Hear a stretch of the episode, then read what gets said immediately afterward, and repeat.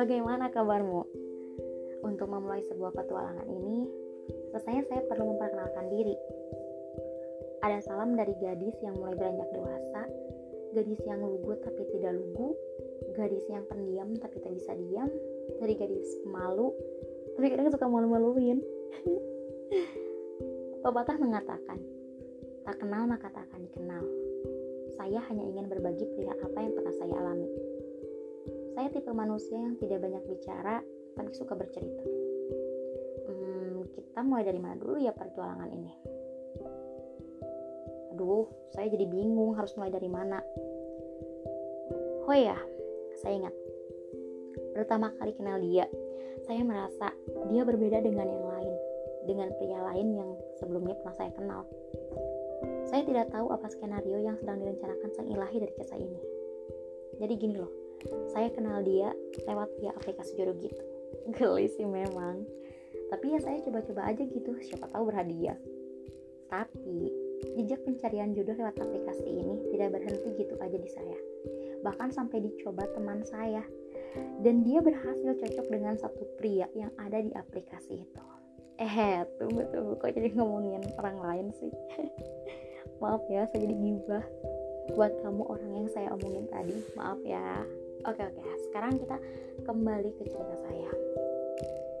Jadi saya dapat match dapat pasangan dapat klop dari aplikasi tersebut. Saya kira orang tersebut saya kira dia itu tidak mempunyai status. Saya kira dia sendiri karena dia menggunakan aplikasi tersebut. Tapi setelah saya cari tahu, setelah saya tahu, ternyata dia sudah memiliki pasangan. Saya tidak tahu apa yang saya harus lakukan. Setelah dia membuat saya nyaman, setelah dia membuat saya sayang sama dia, emang salah sih udah masuk di hubungan orang lain dan menjadi orang ketiga tapi orang ketiga pasti tidak ingin disalahkan. Kenapa dia mengundang orang ketiga tersebut untuk masuk ke dalam hatinya? Jelas-jelas dalam hatinya sudah berpenghuni. Tapi nyonya rumah tetap saja menyalahkan tamu undangan. Maaf, bukan saya membenarkan. Tapi saya sedikit membela. Tapi ya bukan membela juga sih. Duh, saya jadi bingung ngomongnya. Bukankah jika tidak diundang tidak akan bertamu? Apalagi pada rumah yang baru. Itu pendapat saya. Mungkin kalian ada yang berpendapat bertolak dengan saya. Itu silahkan. Karena setiap kepala selalu berbeda isi. Aduh, aduh. Kok jadi agak sedikit ngegas gini ya? oke, oke. Sekarang kita agak sedikit santai aja ya. Menurut saya, ketika di suatu hubungan terdapat orang ketiga, kenapa yang disalahkan selalu orang ketiga? Kenapa tidak orang yang mengundangnya? Apa mungkin orang ketiga datang begitu aja tanpa diundang? Hmm, kayaknya sih mungkin ada, tapi menurut saya sebaiknya lebih agak sedikit menyalahkan yang mengundang. Kenapa? Ya karena kan sudah saya bilang tadi, yang bertamu tidak akan bertamu tanpa diundang, apalagi pada yang baru.